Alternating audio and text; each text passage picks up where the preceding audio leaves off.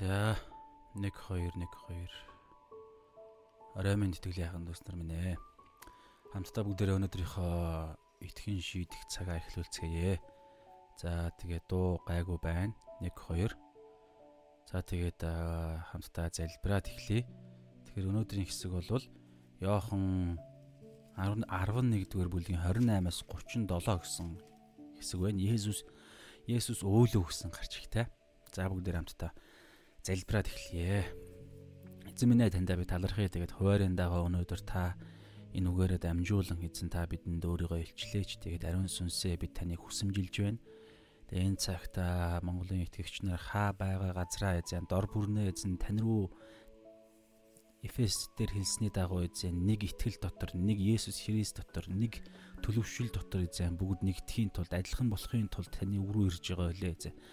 Тиймээс та биднийг улам илүүгээр өөртөө адилхан болгож эзэн тэр мөнхийнхөө жинхэнэ амьдралын хувь тавиландаа эзэн ойртоход та улам илүүгээр биднийг энэ цаг мөчид шинжлэн өөрчлөөч Есүсийн нэрээр аминь. За бүгдээ хамтдаа өнөөдрийн хэсгийг уншийе. Йохан 11-р бүлгийн 28-аас 37. За өнөөдөр би нэг цагаас хитрхгүйгээр хийх хийнэ. Яаж иж яагаад. Тэгээ ер нь олон хүмүүс хэлж байгаа. Хитрхи урт байна гэд. За бүгдээрээ уншия. А үүнийг хилээд тэр явж дүү Мариага дуудаад сэмхнэр багш инүүхэнд ирээд чамайг дуудаж байна гэхэд Мария үүнийг сонсоод ухсхийн босож түүн рүү очив. Есүс тосгонд хараахан хурч очиогоо агаад харин Мартатай уулзсан газраа л байж байлаа. Тэгтэл герт нь Мариатай байж тайлбарлуулж байсан юдэчүүд түүнийг ухасхын босож гарч явахыг харахтаа түүнийг булшин дээр очиж өөлхаар явлаа гэж бодоод араас нь дагжээ. Мария Есүсийн байсан газар ирж түүнийг хараад хөлдөн унаж эзэн хэрв та энд байсан бол ах минь өхгүй байх байсан гэлээ.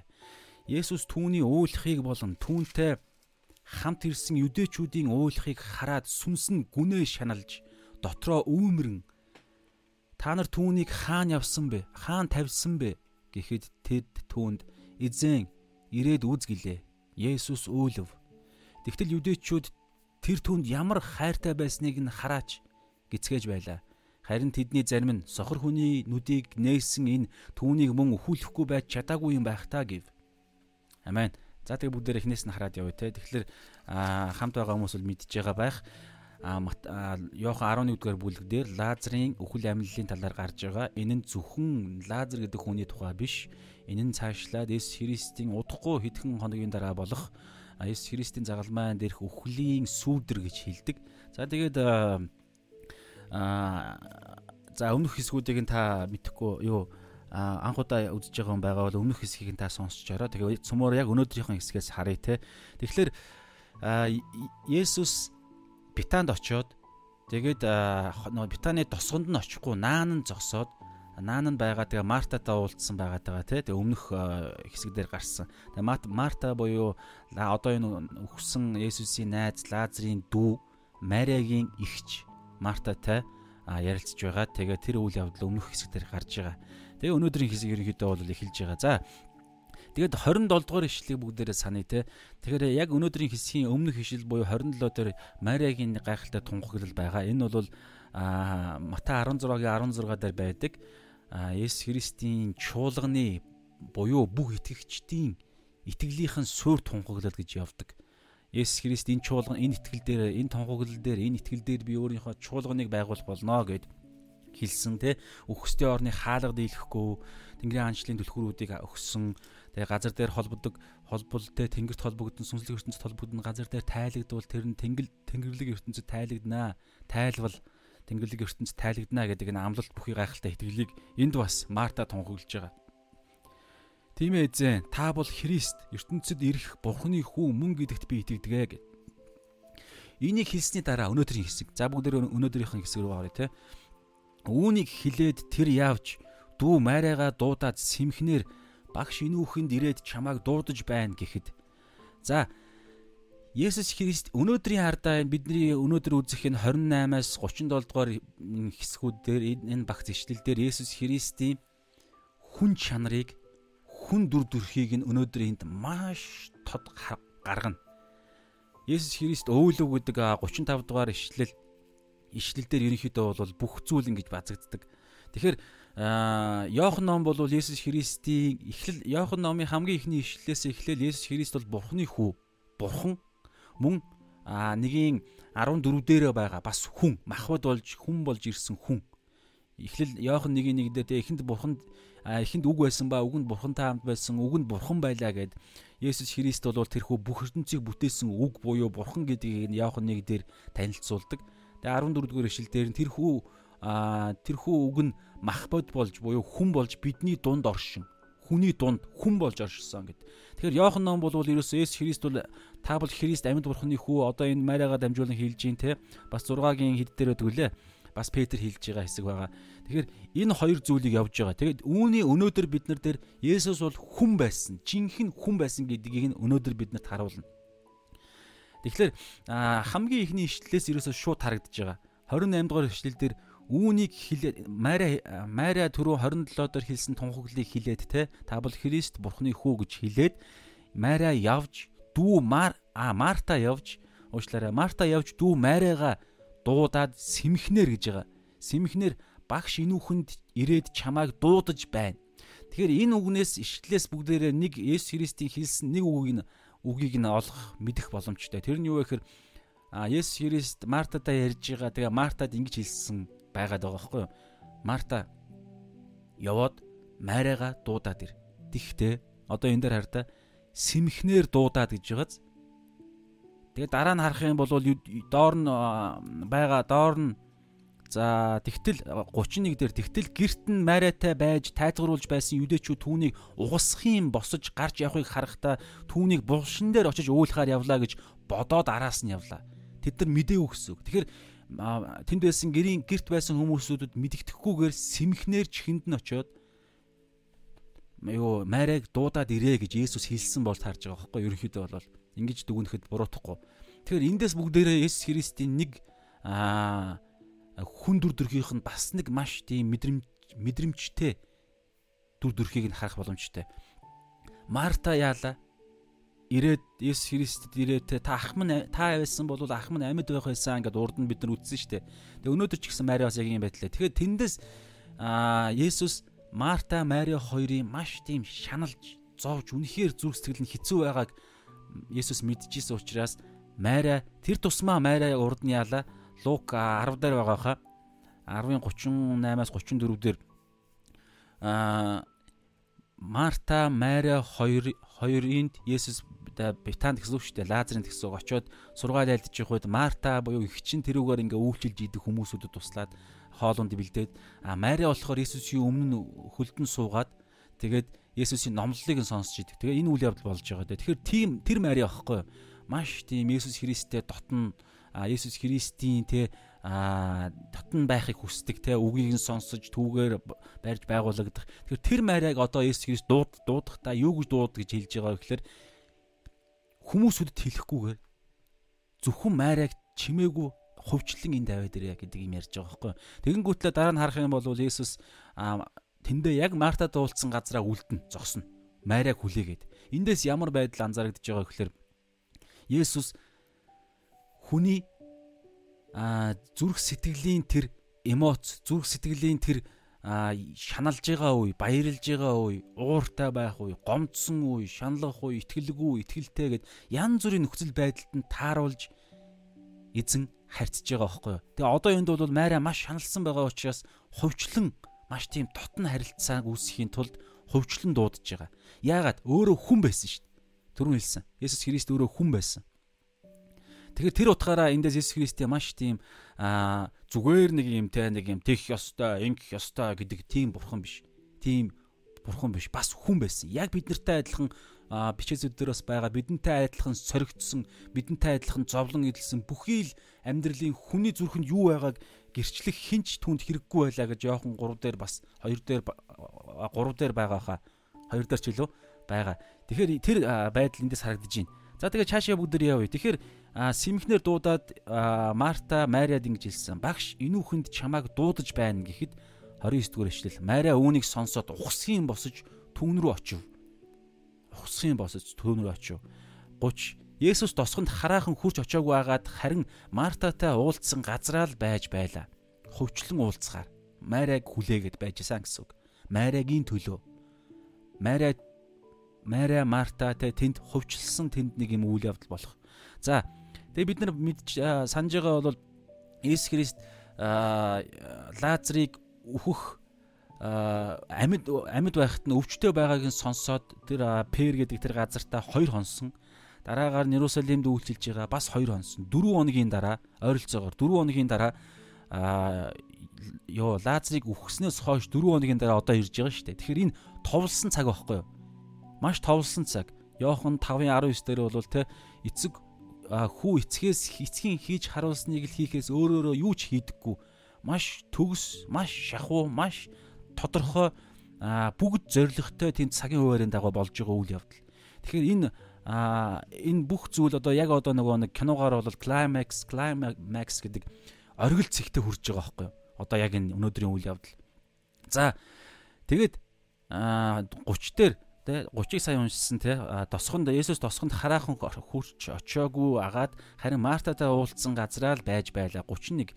Тэгтэл гэрт нь Мариатай байж байж тайлгаруулж байсан юдэчүүд түүнийг ухасхийн боссон босож гарч явахыг харахтаа түүнийг булшин дээр очиж уйлахаар явлаа гэж бодоод араас нь дагжээ. Тайлгаруулахаар араас нь дагсан. За асар олон хүмүүсүүд араас нь дагсан гэсэн үг. 32. Мария Есүсийн байсан газар ирж түүнийг хараад Есүсийг шууд хараад хөлдөн унсан. Шууд хөлдөн унсан. Тэгэнгүүтлээ эзэн хэрв та энд байсан бол ах минь өхгүй байх байсан гэд үйлсэн байгаа байхгүй юу? 35 Есүс түүний үүлхийг болон түүнтэй хамт ирсэн юдэчүүдийн үүлхийг хараад сүнс нь гүнээ шаналж дотроо өөмрөн Есүс шүү дээ. Өөмрөн Тэгээ 34 дээр та нар түүнийг хаан тавьсан бэ гэхэд тэд түүнд эзэн ирээд үзгэлээ 35 Есүс өөлөв. Тэгэхээр Мария 32-оос Есүсийн байсан газар ирж түүнийг харангуутлаа шууд хөлдөн унсан. Урд нь санаж байгаа бол те нөгөө нэг Есүс а Мария Марта хоёрын анх удаа очиж яхад Лук 10-ын 38-аас 42 гэж хараад байгаад андуурсан байж магадгүй шүү юм. Би урдныхаа юм дээр тэмдэглэсэн юм уншиж байгаа. Тэгэхээр тэнд Марта Мария одоо бас хүл Мария бас хүлдэн суугаад Есүсийн номлолыг сонсч ирсэн. Одоо энд а Мария Есүсийг хараад бас дахин хөлдөн унс. Есүсийн хөл гэдэг Есүсийн хөлдөн унна гэдэг энэ төлөв байдал бол маш гайхалтай, маш ерөөлтэй, хамгийн бүтээлийн хүн төрлөختний байх ёстой хамгийн зөв байдал байгаа байхгүй.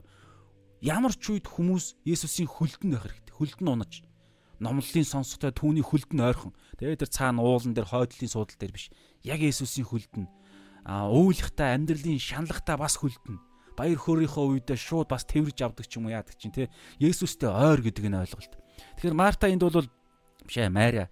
Мария энд Есүсийн байсан газар ирж түүнийг хараад шууд хөлд нь унангуутлаа ерөөсө тэнд шууд Мария зад тавьж байгаа байхгүй. Урд нь бол та асар олон хүмүүсүүд ингээл гэрт нь баахан хүмүүс ирцэн. Ер нь ингээл гашуудл машуудл болоход бол ингээл баахан хүмүүсийн үед ингээл ээж аав нар бол ээж аавч яах вэ?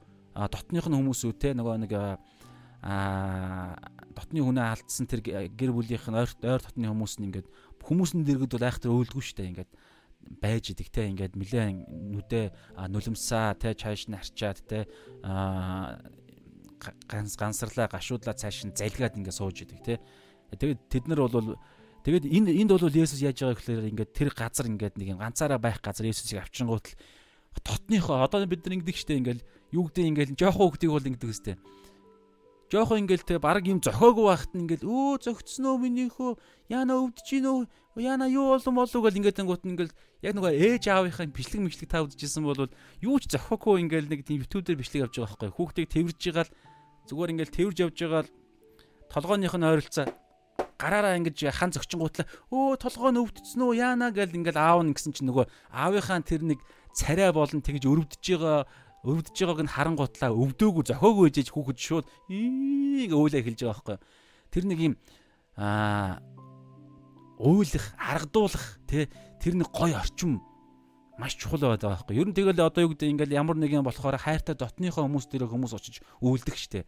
Аа хайны жил дээрээ те ээж аав дээрээ дотны найз ч гэдэм үү те энэ хүний хувьд хэн байгаагаар нь хүлээж авч ойлгож тэр хүнийг зүгээр ямар нэгэн шүүгээ чи өөрөө буруу юм ицсэн байж тээ чи ингэсэн байж тээ ч юм уу те. Чи эр хүн байж чи эмгтэй хүн байж чи багш байж чи итгэгч хүн байж ти тийм тийм тийм байж ингэж болохгүй болохгүй гэдэг Аа ингээд сонсчих юм бол оо за за тэгвэл энэ хүний дэргэд би ингэхгүй байна л да. Энэ хүн намайг те а ингэж одоо ингэж өөлж те ингэж сул дорой байх байхад дургу байгаа юм бол би энэ хүний дэргэд энэ сул дорой байдлыг харуулахгүй бай. Гэт тэр хүн дотны гэдэг хүнээс холт а хүний тэр чагсаалтаас гарчиж байгаа байхгүй. Харин ингээд те шууд ингээд өөд байгаагаар нь хүлээж аваад ингээд өрөвдөөл те ингээд сонсч өгөөл ингээд уйлангуут нь ингээд сонсч өгөөл дэмжиж өгөөл урамшуулж өгж байгаа тэр хүн дээр бол хүмүүс очиод шууд үйлдэг штеп. Үйлдэг, шууд хамаг юмаа ярьдаг, дотор байгаа бүх хэцүү мэдрэмжүүдийг гаргаж иж хэлдэг. Тэгэхээр энд бол яг Есүсийг Мария харангутлаа шууд хүлдэн өвдөх сөхөр хүлдэн унаад хүлийг нь тэрвэл тэгэл эзэн хэрв та энд байсан бол ах минь өхгүй байх байсан гээл зад тавьж байгаа. Энэ тарда 33 дээр үйлэх гэдэг энэ үг weep гэдэг энэ үг бол ерөнхийдөө чангаар орилон уулах гэсэн санаа байгаа байхгүй юу?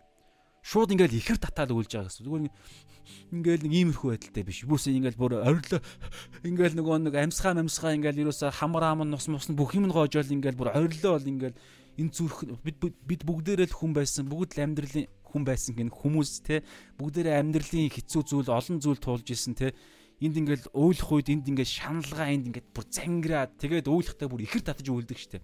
Яг тийм маш шанал шаналл гэдэг үг бол өнөөдрийн хэсэг дээр маш гол үг байдаг байхгүй маш их шаналж. Тэгээ Есүс тэр үгийг хэлээд хэрв та энд байсан бол ах минь өхгүй байх байсан? Ерөөдөө бол итгэл шанал хоёр нийлээд нэг энэ үг гараад байгаа байхгүй нэг талаараа гомдол гомдол гэдэг үг жоохон ч гэсэн бас байгаа дунд нь. Гомдол шаналл тэгээд бас итгэлийн үг. Юу юунд нь итгэж байгаа юм? Эзэн хэрв та байсан бол ах минь өхгүй байх байсан. Та гарцаагүй идгэх байсан. Гэхдээ та оройдчлоо. Яагаад бид үхээс өмнө өвчтэй байхад танд үг хэлүүлсэн штэ. Та эдгэж чадах байсан итгэл байна. Гэхдээ та яагаад ирээгүй юм бэ? Гомдол. Тэгээд ингээд саяын өгсөн 4 онцсон ялзраад тэгээ одоо ингээд шаналаад өөлж байгаа. Тэг хамаг юм ингээд нэгдсэн. Тэгээ энийг хараад 33 дээрээс Есүс түүний үйлхийг чангаар орилон шаналн ихэр татан үйлхийг хараад мөн түүнтэй хамт ирсэн нэг араас нь дагаж ирсэн юдэчүүдийн бас адилхан бүгд орилсон байгаа байхгүй. Ер нь бол юдэчүүд ингээл ерөнхийдөө бол нэг нь дамаа тэр гашуудлын тэр гол хүн ингээ өөлөхөд бол араас нь ингэж бүгд өөлж гэж баг нөгөө дуугаар бол төрж өгнө гэдэг шиг ингэж дэм болдог дэм. Ямар нэг иймэрхүү бүр үйлчлэл мүйлчлэл хүртэл зарим нэг улсууд байдаг штэ ингээд баг мөнгө аваад тэгээд ингээ орилж явж идэг. Тэр нь болохоор ингээд одоо юу гэдэндээ яг түрүүний тэр дууг төрнө гэдэгтэй жоо орилцсон хүү ингээд баахан ингээд орилоон дунд ингээд ганцаараа орилсон ч гэсэн ингээд болдог штэ. Хэрв хинч орилохгүй байхад ганцаараа үйлэх юм бол багадгүй нөгөө ичих мичих бүх юм нь орж ирээд эсвэл бол те за хүмүүс намаа юу гэж бодноо ч юм уу бөө юм бол орж ирнэ штэ. Гэтэл бүгд орилж байгаа тохиолдолд бол тэнд одоо тэгж дэмж араас нь дэм болж гинэ гэсэн үг тайлхар болж гинэ гэсэн. Тэгээ бүгд уйлсан байгаад байгаа юм. Тэгээ энэ зөвхөн тийм нэг мөнгө төр авцсан биш дээ. Эн чинь өөрөөсөө санаагаараа ярьж байгаа. Тэгээд бүгд энэ Британий Лазар гэдэг энэ хүн бол Мара Мария Марта Лазар гэдэг энэ бол Битанда бас нэлээд тийм чухал хүмүүс Есүс тэднийд бас байнга очдог ер нь зөвхт хүн. Тэгэхээр бүх юдэчүүд асар олноор бүгд ингээл өөрлөл орилцсон, орилдоол, өөлал бүгд жинхнээсээ шүү дээ. Тэгээ энэ үед Есүс одоо сонсоорой. Бидний нөгөө аврагч эзэн одоо эцгийн баруун гар талд байгаа. Бидний төлөө зуучлан залбирч яг одоо байгаа. Яг одоо биднийг шаналлах үед, биднийг аа гүтгэх үед бид нарыг бид хавчигдах үед бид хохирох үед эсвэл бид бидний амьдралд ян зүрийн болдог бидний сансан хүссэн юм хэрчдэггүй бид гологддог бид тэ одоо юу гэдэг ян зүрийн болно тэр үед яг бидний бид нартэй ямар харилцдаг вэ ямар Есүс бидний өмнө ямар байдалтай байдаг вэ гэдэг одоо өнөөдөр энд гарч ийнэ гэсэн. Та таны амьдралд ямар хэцүү зүйл байна? Тэр болгонд эзэн юу хийдэг юм бэ? За бүгдээрээ харъя. Тэг хамт Мариаг уулахыг болон хамт ирсэн юдэчүүдийн уулахыг хараад Есүс хараад тэгээд сүнсэн гэж байгаа. Энэ сүнс гэдэг үгээр юу илэрхийлдэг вэ гэхээр хүний бүр цаад цөмн мөн чанарынх нь бүр хамгийн дотоод гүнээсээ гэдэг гэдэг илэрхийлэх байхгүй юу? Махбод сэтгэл сүнс гэдэг чинь сүнс гэдэг чинь бүр хамгийн гүн цөмөөрөө цөмөөс хамгийн дотоод цөмөөсөө гэдэг. Тэгэхээр сүнс нь бүр гүнээ шаналсан гэж байгаа байхгүй юу? Маш гүнээ шаналаад тэгээд дотроо бүр үүмэрсэн. Есүс гайхалтай үг. За Исая 53-ын 4 дээр Исая 53-ын 4 дээр юу гэж байгаа вэ гэхээр Үнэхээр тэр бидний сул дорой байдлыг тээж өөртөө авч гэсэн үг. Сул дорой байдал юу юм? Шаналл, гуниграл, эмзэг байдал, ганцаардал, сул дорой байдал. Тэр бүгдийг Есүс өөр дээрээ бүр бодиттой түрүүн хэлж штэ бүр хараад бүр зүрхнийхээ бүр зүгээр нэг наанаа сэтгэл хөдлөлөөрөө за би бас тэ юу гэдэг манай найз юм чинь мэмч нэг бодол модолтой биш. Бүр харангуутлаад нүдэрээ харангуутлаад цөмөөсөө ингээл яг майраатай адилхан зад тавьж байгаа байхгүй Иесус. А дотроосоо ингээд бүр айхтар шаналл мэдрэгдээд Иесус. Яагаад мэдрэгдэж байгаа? Иесус одоо удахгүй амьлуулах гэж байгаа шүү дээ. Урд нь дагалдагч нартай хэлсэн шүү дээ. Аа энэ өвчин энэ өвчин болвол тэ өвхөлд бус харин үүгээр бурхны хүү алдаршуулгахын тулд бурхны алдрын төлөө юм гэж 11-ийнхаа дөрөвдөр хэлсэн. Дараа нь шав нартаа юу гэсэн бэ гэхээр а 11 дээр ингэж айлцсныхаа дараа тэр бидний анд Лазар унтжээ. Гэвч би түүнийг нойрноос нь сэрэхээр явна. Дараагаар нь унтах биш үхснийг хэлж байгаа. Тэгээд идгэх гэж явсан. Тэгээд удахгүй идгэх юм байж Есүс яагаад тэгж шаналж байгаа. За байж байж манайхаа ингээл инээгээл те. За сюрприз байлаач гэж байгаа юм шиг баг те. Яриач ингэж хэлэхгүй шүү дээ. Чин бүгд бодтой шанал. Тэрнтэй адилхан зүгээр байж байгаараа бити үйлээрээ одоо гайхах юм шигтэй мэгэтгий бити үлээрээ байж байгаарэ гэл тэгэл очиод эдгээгээл тэгэл уйлаа нь баяр хөөр болгох болгохоор юм шиг уг нь бол биднийхаар бол гэтлинд ингээд Есүс хартаа бүр цөмөөрөө шан зүрхнийхээ гүнээс шаналж байгаа яагаад гэдэг асуулт байхгүй юу А 53 Исая 53 дөрөвдөр бол ингэж байна. Үнэхээр тэр бидний сул дорой байдлыг тээсэн, өөртөө бүр мэдэрч авсан. Бүх сул дорой байдал. Тэгээ өвчин зовлон маань өөр дээрээ үүрсэн хизээ хаана амьдралынхаа үйлчлэлийнхаа турш энэ мэдчлэн. Тэгээ энэ дээр бас нэг ишил байгаа. Аа, Еврэ 5-ын 7 баха тий. За, Еврэ 5-ын 7 дээр хардаа тэрээр махбодынхаа өдрүүдэд буюу амьдралынхаа он жилүүдэд гэсэн үг шүү дээ. Махбодынхаа өдрүүдэд өөрийг нь үхлээс аварч чадах нэгэнд чанга хашгиран орилон хашгиран нулимс чанга хашгиран буюу өөлөн нөгөө вип буюу хашгиран үүлэх, орилон үүлэх, хашгиран нулимсаараа залбирал ба гуйлтаа өргөсөн нь өргөсөн. Тэр имээдэг байсан тул бурхан түүнийг сонссон билээ. Есүсийн талаарх үг байхгүй юу? Есүс амьдралынхаа үеэр залбирахдаа ганцаараа гитсмэнд уулан дээр хаа үдийн ганцаараа очиж бурхантай уулзах болгондоо ийм залбирал хийдэг байсан гэж байгаа байхгүй юу? Тэрээр махуудынхаа өдрүүдэд амьдралынхаа он жилүүдэд өөрийг нь үхлээс аварч чадах нэгэнд чанга хашгиран уйлан нулимсаараа залбирал ба гуйлтаа өргөсөн гэж байгааз Есүс. Тэр амьдрал нь ингэж ингэж юуных өөрийнх нь төлөө Есүс шаналаг байхгүй юу? Ирсэн хүмүүсүүдийнх нь энд дээр хэлж штэ сая Исая 53-ын 4 дээр үнэхээр тэр бидний сул дорой байдлыг өөр дээрээ тээж өвчин зовлонг маань үүрсэн. Тийм учраас тэр шаналл өвдөлтийг Есүс амьдралынхаа үйлчлэлийнхаа он жилүүдэд залбирахтаа тэр бүгдийг эзэндээ аавдаа гаргадаг байсан байгаа даахгүй. Ягаад хүн байсан шүү дээ. Хүн, жинхэнэ хүн. Яаж хүн тийм аимшигтай амьдралаар амьдрах вэ? Аимшигтай хэцүү амьдрал. Тэгээ үхэл нь ямар аймаар вэ? Хүн байсан бохоггүй юу? Тэгээд дуулал дуулал 34-ийн 15 эзний мэлми зөвхт хүний дээр сонор нь тэдний уйлах хашгираан дээр байдаг.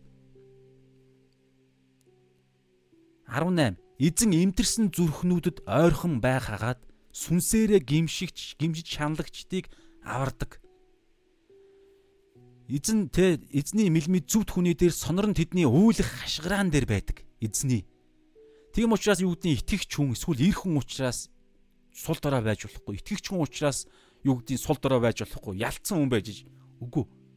Энэ дэлхийн амьдралыг чинь маш чухал маш чухал тэр сэтгэлийн тэр Матай 5 дээр хүртэл байгаа шүү дээ. Зүвт байдлын төлөө гашууд гэсэд ерөөлтөө.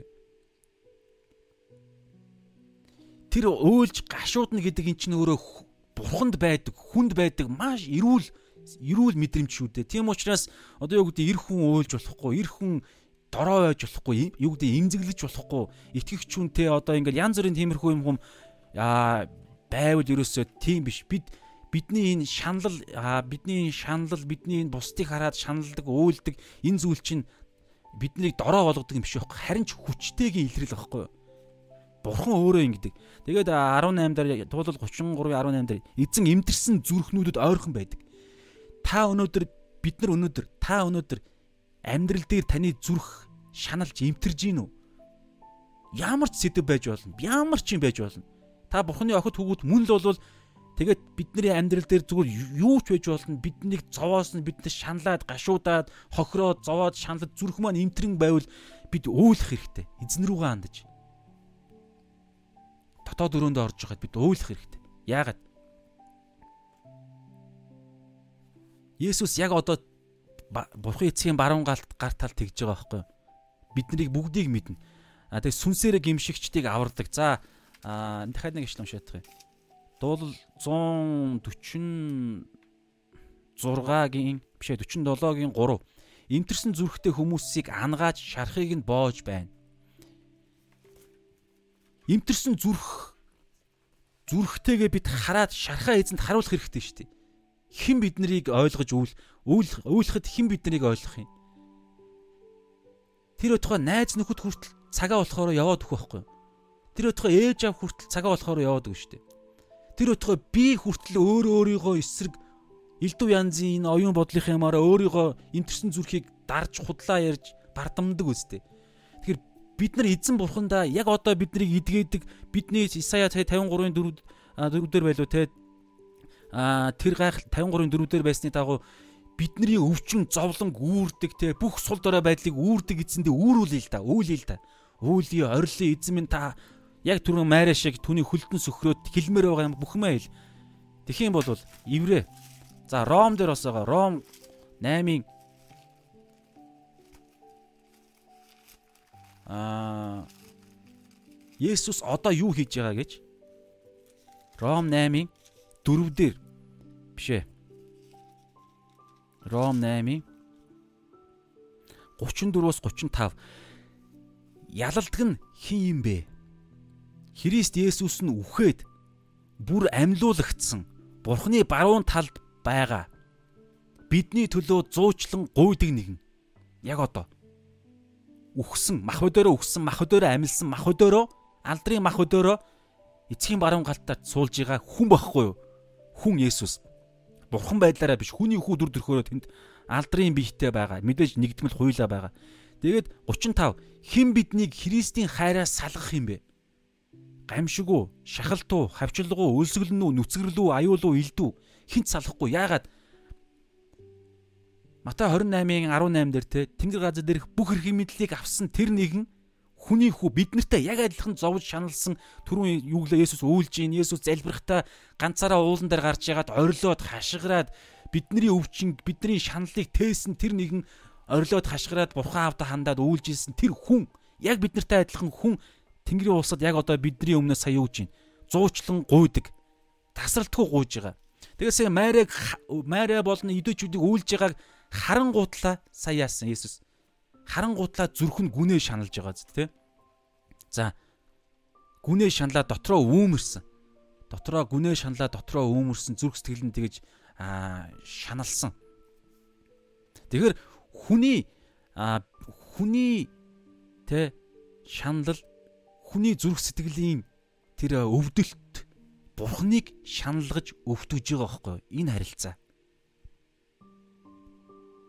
Тийм учраас бид тийм учраас түрүүн Исая бишээ дуулал дээр байсан те дуулал 30 137-гийн дээр байла. Сая хэлсэн юм тэн дээр байгаа. Тэгээ дуулал 100 а 30 дуулал 144-ийн 3 дуулал 34-ийн 15 18 гэдэг эдгээрүүдээр байгаа түрүүний хэлсэн ишлэлүүд тэрэн дээр эзэн тэр хэмтэрсэн зүрхийг сонсож ойлгож идгээж ангаадаг те авардаг гэдэг байгаа чинь эзэн бидний тэр хэмтэрсэн зүрх гимшил ахгүй юу? Гимшил хүлээн зөвшөөрөлт нөгөө Матай 5-ын 3 сүнсэндээ ядуу нэрүүлтэй Тэнгэрийн анчлал гэдэг.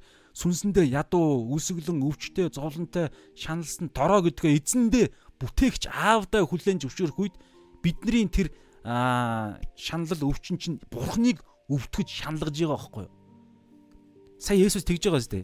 Уг нь удахгүй Лазарыг эдгэх гэж байгаа. Тэгсэн мөртлөө 33 дээр Есүс Мариагийн уйлахыг болон түүнтэй хамт ирсэн юдэчүүдийн уйлахыг хараад сүнс нь гүнээ шаналж маш бодиттой гүнээ шаналаа дотроо өөмөрсөн.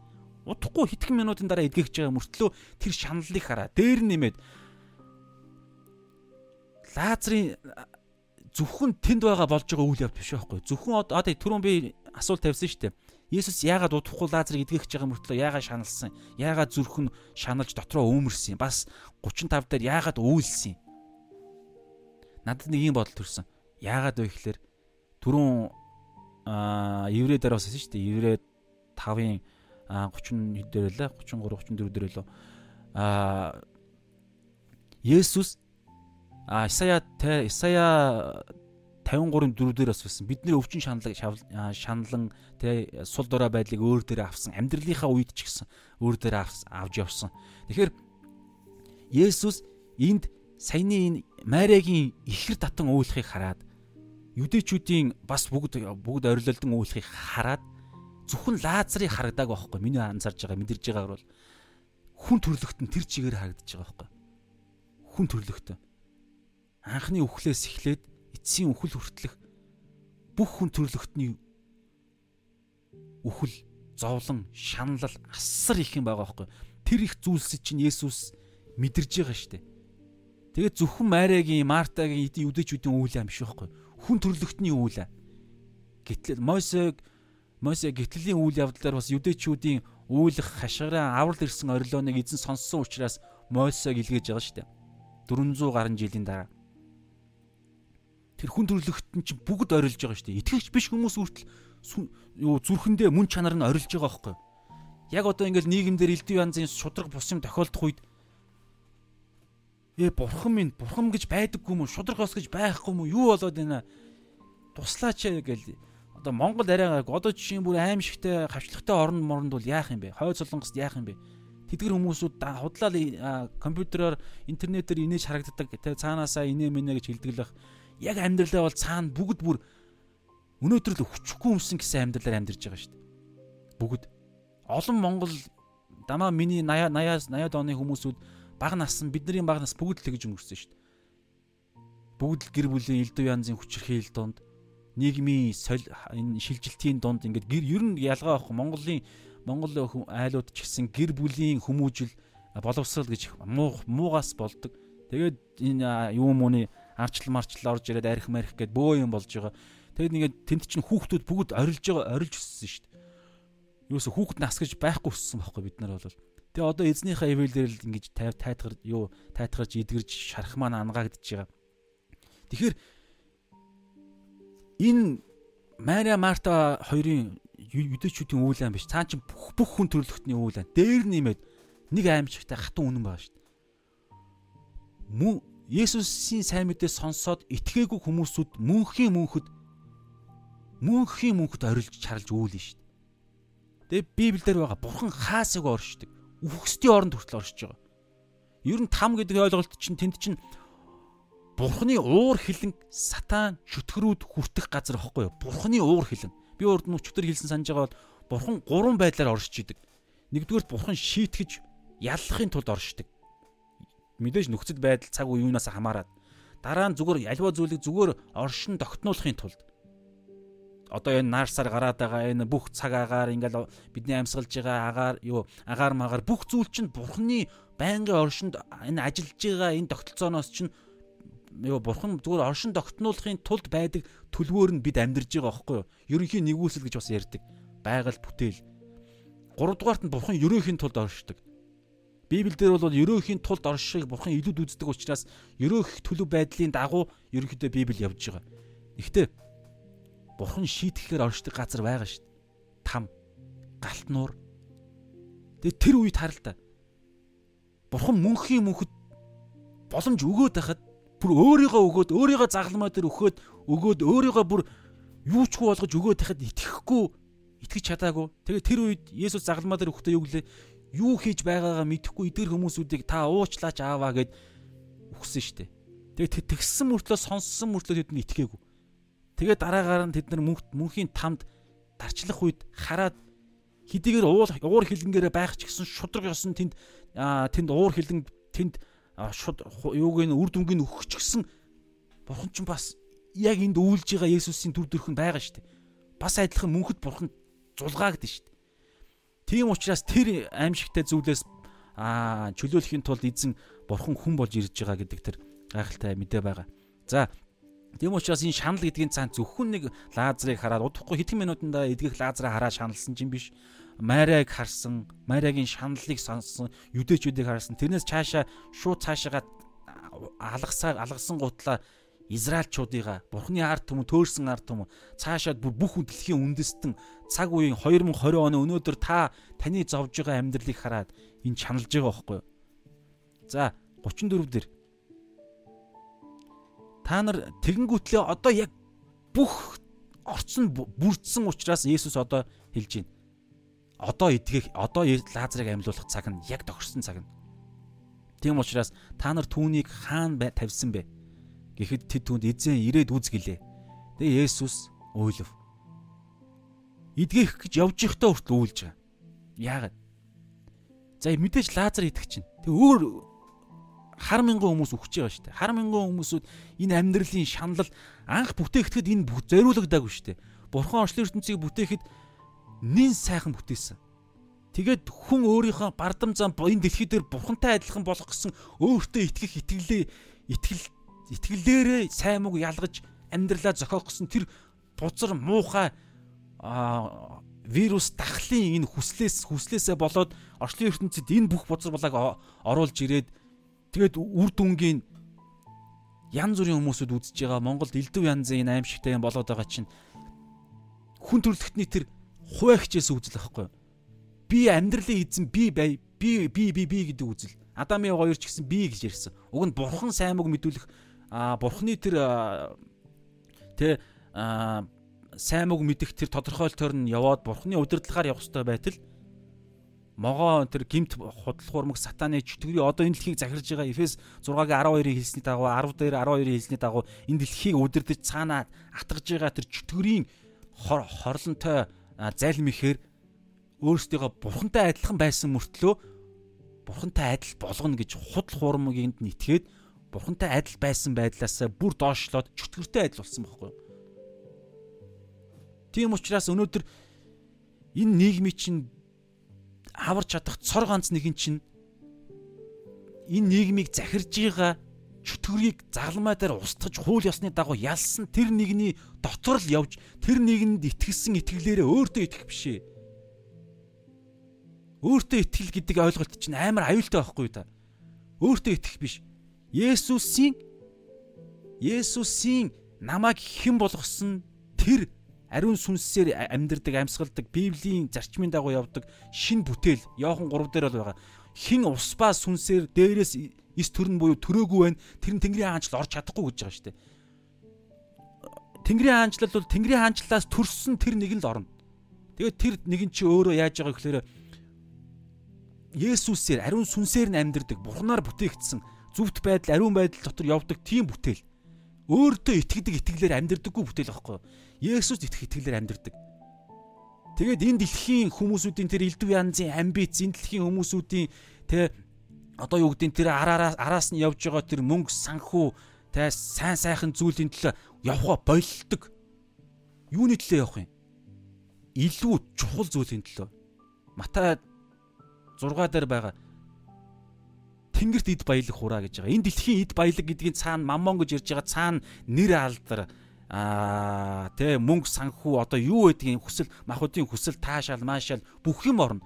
Энэ бүгдийг чинь яадгүй гэхээр тэн дээр Матай 5 байна уу 6 дээр тэнгэрт эд баялаг хураа гэдэг гарчиг та үзэх юм бол байгаа. Аа энэ дэлхийн эд баялагийг хэвэн хорхоо иддэг, иддэг. Зив иддэг. Хулгайч ороод хулгайлдаг энэ дэлхийн үхэн хатаа араас нь явдаг зүйлсүүд бүгд алдагддаг штэ та мэдж байгаа бол. Алдар нэртэй болоод мундаг амжилтанд хүрээд тэр үед хүмүүс бүгд алгадашдаг. Нөгөө шаломын орчуулсан миний орчуулсан нөгөө Жим Кавизлийн гэрчлэг дээр Жим Кавизл одоо Холливуудын од хэлж байгаа штэ. Та нарыг алдрын оргилд гарвал хүн болгон чинь алгаад ашин магтана харин доошо унах үед та нарыг бүр юу ч үгүй болгон та нарыг шүүж байх доромжилж дооглох болно гэсэн санаа хэлж байгаа штэ Ийм л хүчүүг худлаа юм багхгүй? Мөнгө ч гэсэн ялгаа байхгүй. Эрүүл мэнд ч ялгаа байхгүй. Махуудын өсөлт ачаал ялгаа байхгүй. Бүгд цаана хороор ингэж хортож хортуулж биднийг ингэж мөнхийн үхэл рүү явуулж идэг. Тийм учраас энэ хүсэлдээ бид нар итгэхгүй байх хэрэгтэй байхгүй? Өөртөө биш. Хинд итгэх юм? Шинэ бүтээлийнхаа эзэндээ Есүстэй. Ийм л амьдралаар ингэж ижил бид нар аврал яригдаж байгаа шүү дээ. Түүнээр хоёр аврагдсан мөртлөө энэ дэлхийн энэ дэлхийдээ зогцож энэ дэлхийн хүмүүсүүдийн явдаг амьдралаар нь амьдрдаг тийм амьдрал байхгүй гэж Библи Есүс өөрөө хэлж байгаа шүү дээ. Хоёр эзэн зэрэг үйлчлэх ямар ч боломжгүй. Хүн нэгээс нь зуураад нэгийг нь үзэн яддаг. Нэгийг нь хайрлаад нэгийг нэгээс нь зуураад нэгийг нь түлхдэг. Нэгийг нь үзэн ядаад нэгийг нь хайрладаг. Зэрэг үйлчлэх боломжгүй гэж бүтээгч эзэн Есүс өөрөө амаараа хэлсэн.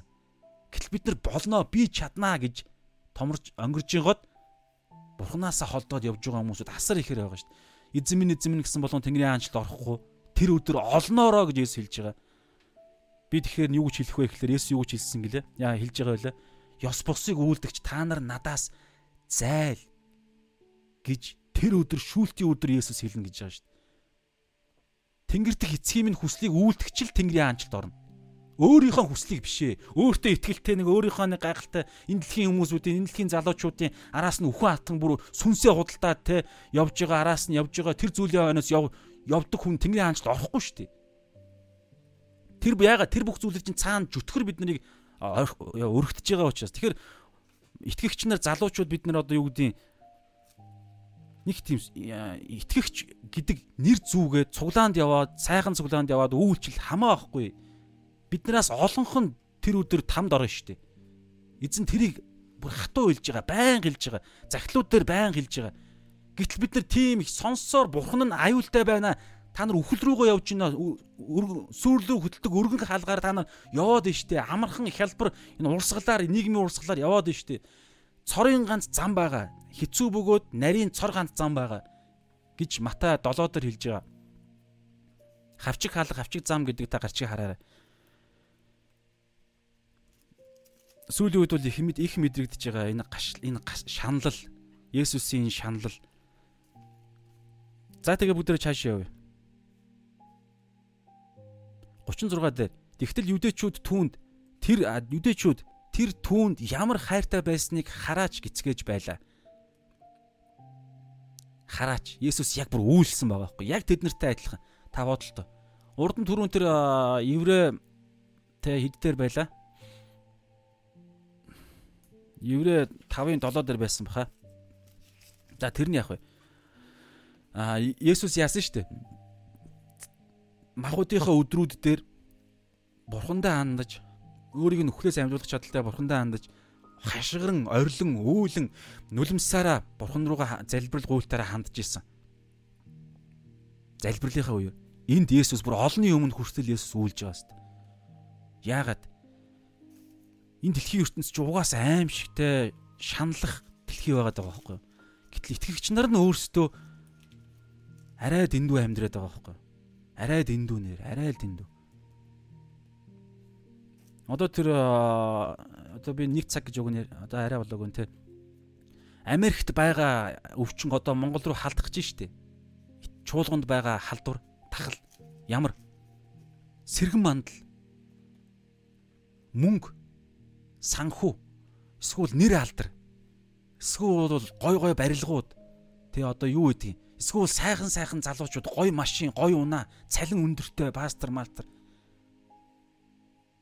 Америк төр том агуу Америк үндэстнийг устгаж чадж байгаа булингортуул чадж байгаа жүтгэр Монголыг чадна шүү дээ. Монгол шиг ийм мангар түүшэрдэг гаруудыг тэгээд нөө тамийн тогооны үлгэр шиг хуваа боддог хичээдэг гаруудыг тэр хуваа боддог юмар нь дахиад нэг жоохон нэг юм бодолт нь өгөөл нэг тайлбар өгөөл нэг юм нэг утсыг нь эргүүлээл гэтэл Библиэлд тийм юус ярихгүй байгаа даа шүү дээ одоо юу гэдэг сайхан аа тэ нийгмийн дунд гэрэл давс болно гэж гэдэг ойлголт чинь нийгэмтэй адил зохицож амьдрах юм юу ч ярьдаггүй шүү дээ. Нийгэмтэй зохицоод нийгмийн нийгмийн хүмүүсүүдийн тэр амжилтын тодорхойлолтоор итгэгч нар амжилтын тодорхойлолтыг хийгээд ингээ тэ явуул бид давс болохгүй шүү дээ. Давс гэдэг чинь өөрөө тэр тухайн зүйлээс бүр шал өөр амттай. Гэрэлч гэсэн ялгаа байхгүй харанхуугаас шал өөр юутай мөн чанартай. Тэгээд Есүсийн доторл гэж байгаа. Есүсийн доторл эзэн бурхныг аа бурхан аваа алдаршуул Матай 5-ын төгсгөл хавцаа бас байгаа. Та нарын сайн үйлс тэнгэрт эцгийг чинь алдаршуулахын тулд тэдний өмнө тийхүү гэрэлтэг өмнөхөн талд нь та нар бол ертөнцийн гэрэл газрын давс гэж байгаа. Тэгээд бас байгаа. Та нарын сайн үйл фарисеучуудын зүвт байдлаас та нарын зүвт байдал илүү гарахгүй бол та нар тэнгэрийн аанчлалд орж чадахгүй гэж байгаа биднэрт ариун сүнстэй биднэрт хандаж хэлж байгаа. Зарим хүмүүс уулан дээр сургаалыг биднэрт хандаагүй гэж ярьдаг. Үгүй. Олон мундаг мундаг судлаач нар энэ дээр бол маш тодорхой. Есүс уулан дээр сургаал сургаал бол 100% биднэрт тахгүй? Бүр ариун сүнстэй л биднэрт. Харин ч тухайн үеийн идүүчүүдэд хандаагүй. Нар тэрийг хэрэгжүүлэх боломжгүй байхгүй? Бид нар л боломжтой. Яагаад ариун сүнс нь байгаа. Тэгээ ариун сүнсээр явахгүй бол бүр чадахгүй гэсэн. Тэгээд энэ дэлхий дээр нэг сайхан амьдарч болно. Үлдсэн 40 жилээ, 50 жилээ сайхан амьдарч болно. Тэгээ мөнхийн улсад тэр өдөр эзэн биднийг зайл гэж хэлүүл яа. Тэгж хэл тэгж хилээд өөрийгөө мэхлүүлэхгүй тулд Матай 5-аас 7 уулан дээр сургаал дээр байгаа өөрийгөө мэхлэгчд гэдэг та гарчиг хараарай. 6 байна уу 7 дээр нь байгаа.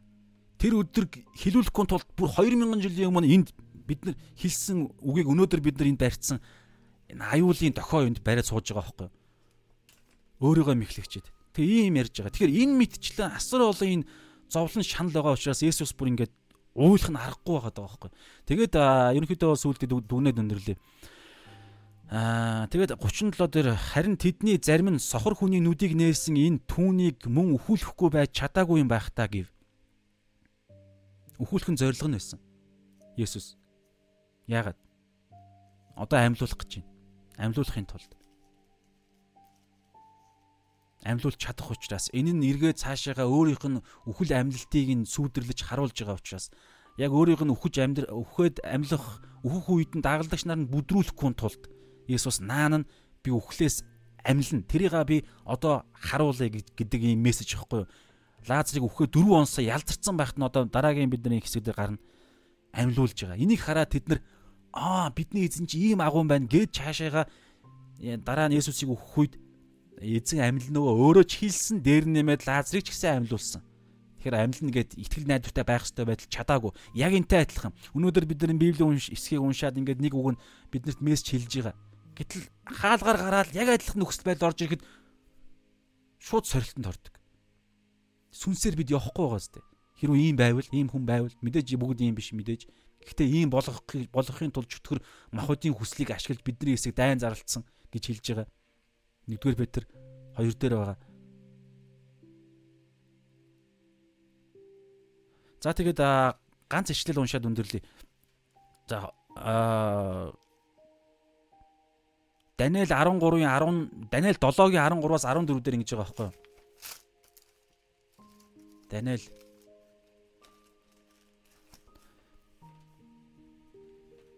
Даниэл 13-гийн 13-аас 14 а Даниэлийн харсан үзэгдэл донд би шүний үзэгдлийг харсаар байв. Харагтун хүний хүү шиг нэгэн Тэнгэрийн үйлсээр ирж эртний нэгэн дээр очиод түүнд бараалхав. Есүс Бурхан аав дээр очиж байгаа. Хүний хүү дүр төрхөөр бид нартай адилхан шаналдаг зовдөг сорилтонд ордог үйлдэг гашуудаг орилд орилдог тэр дүр төрхөөрөө бид нартай адилхан гэдэг утгаараа биднийг ойлгож чадна тэр учраас дүр төрхөөрөө хүний хүү шиг нэгэн Тэнгэрийн үйлсээр ирж эртний нэгэн буюу бурхан бурхан дээр гэсэн очоод ба түүнд бараалах 14 түүнд эрх мэдэл хүний хүү шиг тэр нэгэнд биднийг ойлгож чадах тэр нэгэнд түүнд эрх мэдэл сүр жавхлан хаанчлал өгдөж бүх ард түмэн үндэстэн бүх хилтэн түүнд үйлчлэв. Ноёрхол нь үрдийн ноёрхол. Эс өнгөн одно хаанчлал нь эс устдах юм. Иврэ 7-гийн 27 Иврэ 7-гийн 25 Тиймээс тэр өөр өөр нь дамжуулан бурханд ойртогсныг бүр мөсөн аварч чаднаа. Тэр тэдний төлөө зуучлан залбирахын тулд үргэлж амьд байдаг. Тэр гэдэг нь хийн сая хэлсэн. Есүс сая Марийг хараад үйлсэн. А үйлж шаналж орилдог зүрхэн зүрхнээсээ гүнээсээ шаналдаг, үүмэрдэг. Зовж байгаа нэгнийг хараад үүмрэн шаналж хамт үйлдэг тэр нэгэн одоо хаана байгаа вэ гэхээр түрүүн Даниэл хэлсний дагуу эцгийн баруун гар талд хаанчлалдаа байгаа. Тэгээ тэр нэгэн амьд байгаа. Одоо энэ сая Еврэ 7-гийн 25 дээр. Тиймээс тэр өөр өөр нь дамжуулан бурханд ойртогсдыг бүр мөссөн, бүр бүр мөссөн аварч чаднаа. Тэр тэдний төлөө зуучлан залбирахын тулд үргэлж амьд байдаг. Яг одоо миний төлөө, таны төлөө бидний амьдралд янз бүрийн тийм хэцүү зүрх сэтгэлийн гүнд шаналгадаг зүйлс байн болдог. Янз бүрийн байдлаар за байн гэх наашин болдог мэдээж үе үе болно. Зарим хүмүүсийн амьдрал магадгүй өдөр болгон болж байгаа. Магадгүй хорон тутанд болж байгаа. Тэгэхээр тэр шанал чаналлаа бид зөвхөн Есүст ганд хандаж түрүү майраа шиг өв хөлд нь хөлийг нь тэрж ягаад орилох хэрэгтэй, уйлах хэрэгтэй. Зүрхээ шаналсан, имтэрсэн зүрхээ Есүст хараа хандаад ганцаараа өрөөндө хаалгаа хаж байгаад эзэн рүү хандаад уйлах хэрэгтэй. Яагаад? Тэгжиж эзэн Есүс яг тэр юу зүйлийг чинь бүр биднээс Мариагаас илүү а Есүс шаналсан байхгүй юу? Мариагаас илүү өвчин мэдэрсэн Есүс тухай. Ягаад зөвхөн Мария биш хүн төрлөختөн хүртэл мэдэрсэн. Тэгэхээр тэр нэгэн одоо эцгийн баруун гар талд яг одоо бидний төлөө зуучлан залбирахын тулд амьд байгаа. Хүнийхээ алдаршуулсан хүний хүү биеэрээ амьд байгаа. Нөгөө сүнс байдлаараа биш. Хүний хүү биеэрээ түрүүн Даниэл 7-гийн 13 14 дээр хэлсэн шүү дээ. Хүний хүү шиг нэгэн дээш очсон. Тэгээд үхлээс 3 хоногийн дараа амьлахтаа тэр нэг шууд хан ман нэвтэлж байгаа юм шиг тийм тэгээд тэнгэрт үүлэн үүлд өргөдөөд нисэж байгаа тэр нэг юм энэ дэлхийн таталцлын хууль мөл элдв янзын материйн хууль мөлөөс давсан тэр нэг алдрын биеэр эцгийн баруун гаталд одоо байгаа. Юуны төлөө вэ гэхээр таны бидний төлөө зуучлан залбирахын тулд залбирал нь юу юм? Бидний төлөө уйлдаг одоо юу гэдэг таны хайртай охин хүү э, эхнэр нөхөр ээж аав чинь аимшигтай өвдөх үед асуудал орох үед бид нар бүр бухан дээр хандаад бүх юма хийсний дараа бүр уулаа залбирдаг үстэй. Эзэн минь та туслаач гээл ямар ч залбирлын сэдв байж бол. Яг тэрнтэй адилхан биднийг шаналх үед Есүс бидний төлөө үүлэн байж Тэнгэрийн улсад одоо хамт байгаа байхгүй. Бид Есүсээс өөр хин ингэж чадах юм бэ? Би ч өөрөө өөрийнхөө төлөө ингэж гуйж чадахгүй шүү дээ. Тийм учраас бид нар өөртөө итгэж яах юм бэ? Есүст л итгэх хэрэгтэй байхгүй. Есүс чинь хизээч өчигдөрч өнөөдөрч үрд мөхөд хിവэрэ гэж байгаа Есүс. Тэгэхээр энэ Библиэлд байгаа энэ хүн чинь яг одоо Тэнгэрийн улсад яг одоо таны хажууд зогсож байгаа. Таны зүрхий чи одоо бадж байгаа. Идгээж идгээж байгаа, нулимсэж арчиг хүсэж байгаа. Тийм учраас бүгдээрээ хамтдаа залбираа юу гэж залбирах вэ гэхээр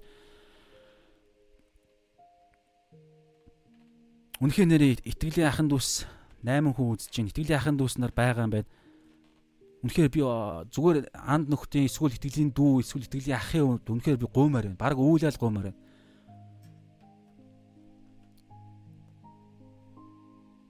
Энэ дэлхийн хардаа араас нь үхэн хатан явж байгаа тэр зүйлийн хойноос битгий яваач. Есүсийн тэр гайхалтай хийсэн зүйл дотор нэгдэх үед тэр бүх зүйл уг нь биднэрт өгдөн штэ. Заавал өгж авах юм ярих гэдэг бол. Гэхдээ бүгд нь өгцөн штэ уг нь. Тэгээд бид тэр гайхалтай Есүс эзэнтэйгээ хамт эзэндээ итгээд явах жигаа тэр байдлаа хүртэл итгэгч нарын шүүмжилж заримдаа Итгэгч нар шүүмжлэхдээ яаж шүүмжилж байгаа гэж нийгмийн стандартаар хараад жишээ намайг бас шүүмжилнэ. Шүүмжилж байгаа тохиолдол байдаг.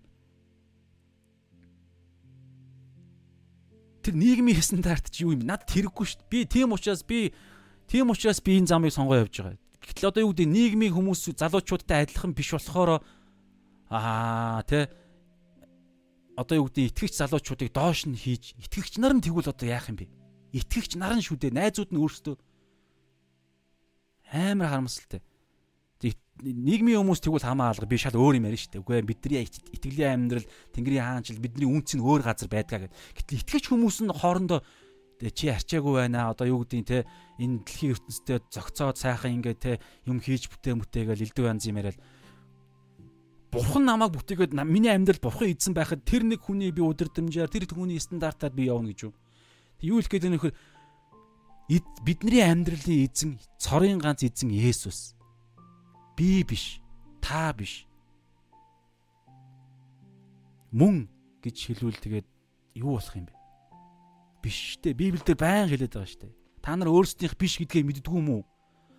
амьд байгаа нь би биш. Хэрв та амьдралын эзэн бид нар өөрсдөө байх юм бол бид загалмаа үхлээс ч гэсэн салж байгаа байхгүй юу? Загалмаа үхэл бид хамаагүй болчлоо шүү дээ. Тэгвэл там яригдэн шүү дээ. Ийм тодорхой юм Библи байн хэлж байгаа. Тэгэхээр итгэлийн ахын дүүс нарын амьдрал за 5 минут 4 минут байна. Итгэлийн ахын дүүс нарын маань амьдрал дээр них гоё одоо юу гэдэг эсийн цаг дээр ч юм уу них гоё оршихуйдууд магтаалын оршихуйдууд гоё ярьж болдог. Гэсэн мөртлөө яг амьдрал дээр яг талбар дээрээ гарахаараа ямар ч итгэлийн хүний үнэр ангилахгүй байгаад бид амар тийм мэдхгүй одоо бурхан юу хэлдэм байгаа. Илчлэлт 3 дугаар бүлгэл байнга санагддаг. Илчлэлт 3 дугаар бүлгийн тэр лаудыг чуулганд хэлсэн үг. Та нарыг та нар бүлээн байна. Монгол чуулга яг ийм байгаад байгаа байхгүй юу? та нар хүүтэнч биш, халуунч биш, бүлээн байгаа учраас би та нарыг бөөлжиж гаргана гэж байгаа. Тэгтээ гол зорилго нь халуун байх. Үүс чинь халуун байх. Буюу зөв зөвхт бурхны дагуу ариун сүнсээ үүс гаргадаг. Гэхдээ бүлээн байгаа нь хүүтэн байгаас илүү аюултай гэж Есүс хэлж байгаа байхгүй. Тийм учраас та нар нэг бол хүүтэн бай, нэг бол халуун бай гэж хэлсэн Есүс. Илчилт номон дээр Йоханнод дамжуулж. Есүсийн илчлэлт ч тийм. Яа Илчилт 3-ын тэр лавдаг чуулган гэдэг гачигдоор та хараарай. Тэг хүүтэн байх нь баг зүгээр ингээ та нар баг Илиада ч гэсэн хилдэг аа Коринт төр ч гэсэн хилдэг сатаанд нь тушаах гэдэг ойлголт. Та нар бурхан бүлээн байснаас зүгээр Есүстэй итгэхгүйгээ зүгээр цаашаа яв гэж хэлдэг байхгүй. Бурхан тэр нь бүлээн байснаас илүү дээр гэж ярьдаг. Яагаад? Юм бол илчит 3 дээр ч гэсэн байгаа. Гимших боломжтой. Гимших. Гэтэл бүлээн байгаа нь бид болж ийн гэж яриад байгаа байхгүй? Зүгээр цуглаанда явдаг хүн аврагдана гэж байхгүй шүү дээ. Цуглаанд явс түрүү Матай 5 6 дээр 6 7 дээр хэлж байгаа шүү дээ. Эзэн минь эзэн минь тэнгэрийн эзэн минь эзэн минь гэсэн болгон тэнгэрийн ажилд орохгүй тэ. Ёс бусыг үүлгэж та надаас зайл гэл тэнгүүт таны нэрээр бидний иш үзүүлсэн, номлосон гэсэн үг. Таны нэрээр нэрээр гайхамшиг үйлдэлсэн, үйлчлэл, таны нэрээр чөтгөрүүдийг хөөсөн бүр юр бусын сүнслэг үйлчлэл хийдэг хүн байг. Байгааз Гэтэл тэрийг юу юу гэж байгаа гэж юроос авч хилцэхгүй байхгүй Иесус. Тэнгэр дэх эцгийн хүслийг үйлдэдэг нь Тэнгэрийн аанчлалд орно.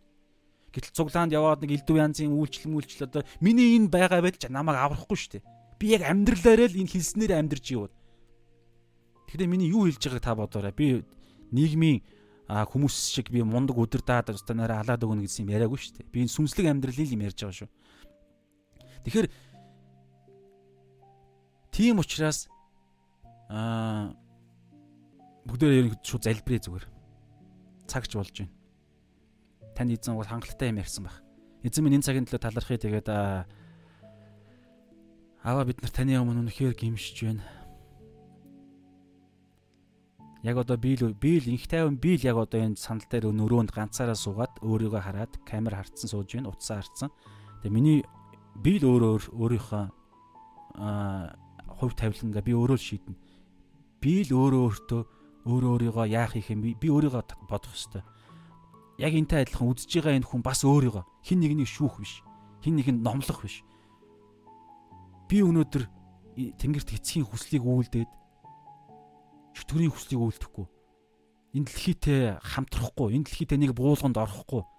Хаанчлалын төлөө, хаанчлалын зорилгын төлөө, бусдын авралын төлөө, бусдын тэнгэрийн хаанчлалын төлөө явах нь явах явах уугүй гэдгийг миний шийдэх асуудал.